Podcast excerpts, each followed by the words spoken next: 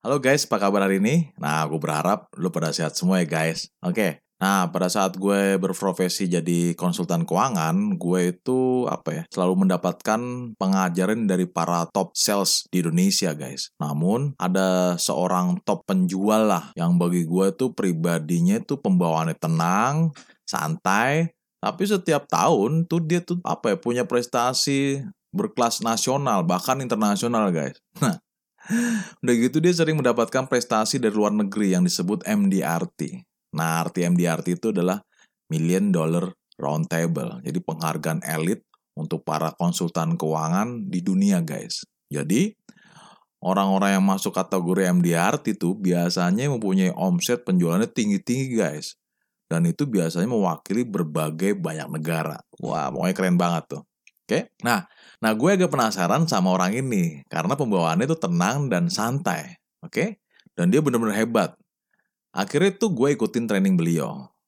Nah, selama proses pembelajaran tuh ada banyak ilmu yang gue dapet, terutama strategi penjualan, guys. Nah, salah satu ilmu yang gue dapet adalah komunikasi yang efektif. Jadi bagaimana orang itu bisa kapan dia harus diam dan kapan dia harus berbicara. Jadi dia tahu momentum waktunya. Nah, gue akan ceritakan trik-trik bagaimana beliau itu bisa hebat di bidang penjualan itu guys. Nah biar nggak penasaran, terus ikutin podcast ini sampai selesai ya guys. Oke, tentunya setelah pesan-pesan berikut ini.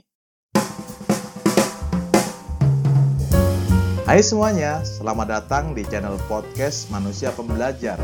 Nah, podcast ini menyajikan pembelajaran dan investasi nilai-nilai kehidupan yang bermakna.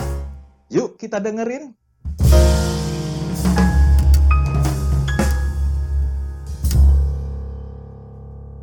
Oke okay guys, sesuai dengan janji gua untuk menceritakan apa yang didapat dari orang yang jago jualan ya guys. Nah, gue pun mulai dari cerita pengalaman beliau dalam berjualan ya. Oke, biar lo ada gambaran yang lebih jelas nih guys. Jadi gue akan coba lebih menceritakan. Nah, katakanlah nama orang yang jago jualan ini namanya Handoko. Tentunya bukan nama sebenarnya guys. Oke? Nah, seperti biasa, seorang sales atau penjual, Handoko melakukan pendekatan dulu nih lewat telepon untuk membuat janji. Dan kebetulan, nomor telepon yang dia dapat adalah dari teman nasabahnya Handoko. Sehingga untuk membuat janji itu ya, terutama janji ketemuannya itu ya nggak nggak begitu sulit guys. Oke, nah yang menarik tentunya Handoko tidak kenal sama sekali dengan calon nasabah itu. Dan kebetulannya lagi, calon nasabah itu berprofesi sebagai seorang dokter spesialis. Nah, biasanya dokter itu akan berpraktek di rumahnya sendiri, guys. Nah, setelah buat janji, Handoko datang lebih cepat setengah jam sebelum jam meeting dengan dokter. Nah, setelah dokter itu selesai praktek, maka barulah Handoko akan diberi kesempatan untuk ngobrol-ngobrol. Handoko memperkenalkan dirinya sebagai konsultan keuangan. Oke, Nah, bagi gue yang menarik adalah gini guys, pada saat proses komunikasi, Handoko itu tidak menawarkan produk sama sekali. Handoko hanya mendengarkan aktif kepada dokter tersebut. Sampai-sampai nih proses ngobrol-ngobrol itu nggak terasa bisa menghabiskan 3 jam guys. Karena dalam komunikasi itu, dokternya malah curhat tentang profesinya.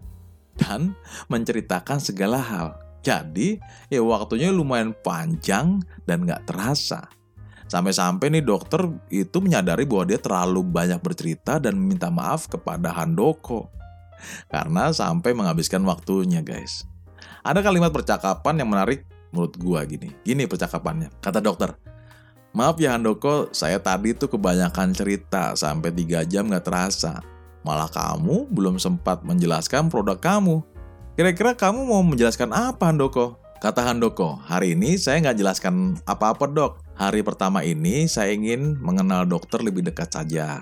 Jadi hari ini buat saya apa ya senang ngobrol-ngobrol dengan dokter lah kata dokter. Oh gitu ya. Berarti kamu tidak menjelaskan apa-apa ya hari ini ya? Jadi buat ngobrol-ngobrol dengan saya aja, ya Handoko ya? Kata Handoko. Iya dok, jika berkenan dan terbuka, besok saya akan bertemu lagi dengan dokter untuk menjelaskan program yang saya buat dok, kata dokter. Oh, baiklah, besok gantian kamu yang bercerita ya. Karena hari ini saya terus yang ngomong nih. Terima kasih Handoko ya, sehingga saya coba bisa apa, tentunya bisa sharing dengan kamu. Nah, itu percakapan mereka nih guys. Nah, pada pertemuan yang kedua, sesuai dengan janjinya, Handoko menjelaskan program yang sudah dibuat dan sesuai dengan kebutuhan dokter itu. Dan akhirnya Handoko closing dengan omset penjualan yang tinggi guys. Nah yang menarik setelah closing saking percayanya itu dokter dan saking nyamannya itu dokter pada Handoko sampai-sampai Handoko tuh disediakan kamar khusus yang bersebelahan ruang konsultasi dokter tersebut. Nah ini luar biasa banget guys, menurut gue benar-benar luar biasa. Jadi setiap pasien yang konsultasi dengan dokter itu langsung diarahkan ke ruang Handoko untuk konsultasi keuangan. Kejadian itu benar-benar luar biasa dan jarang banget ya guys. Itu saking percaya dan nyamannya itu dokter kepada Handoko. Wah ini benar-benar mantep banget guys. Dan itu pada saat gue ikut training tuh wah sampai bingung wah sampai apa ya takjub lihat cerita Pak Handoko. Jadi cerita Handoko ini ya nggak pernah gue lupa tentang kejadian bagaimana si Handoko mempunyai ruangan sendiri. Oke, khususnya ruang konsultan keuangan di sebelahnya adalah ruang konsultan dokter. Oke, nah pembelajaran yang gue dapet adalah komunikasi yang efektif.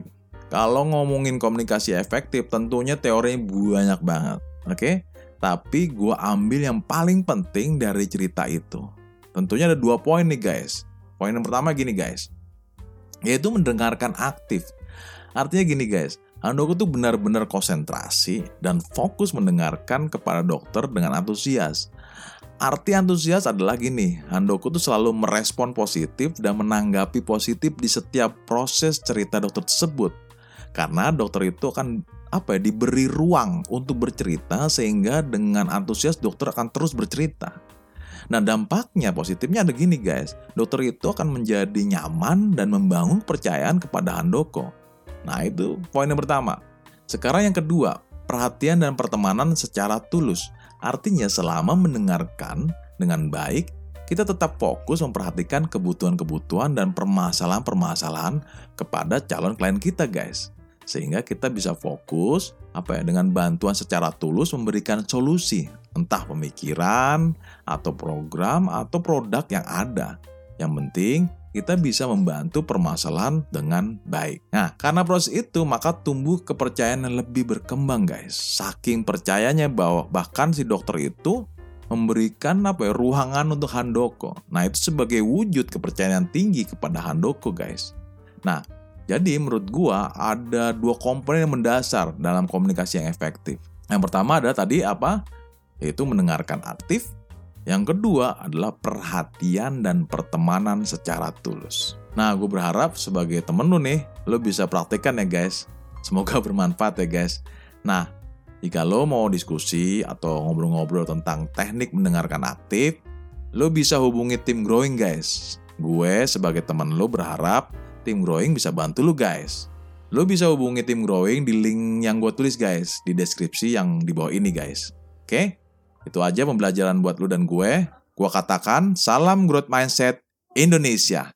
Leadership is fun.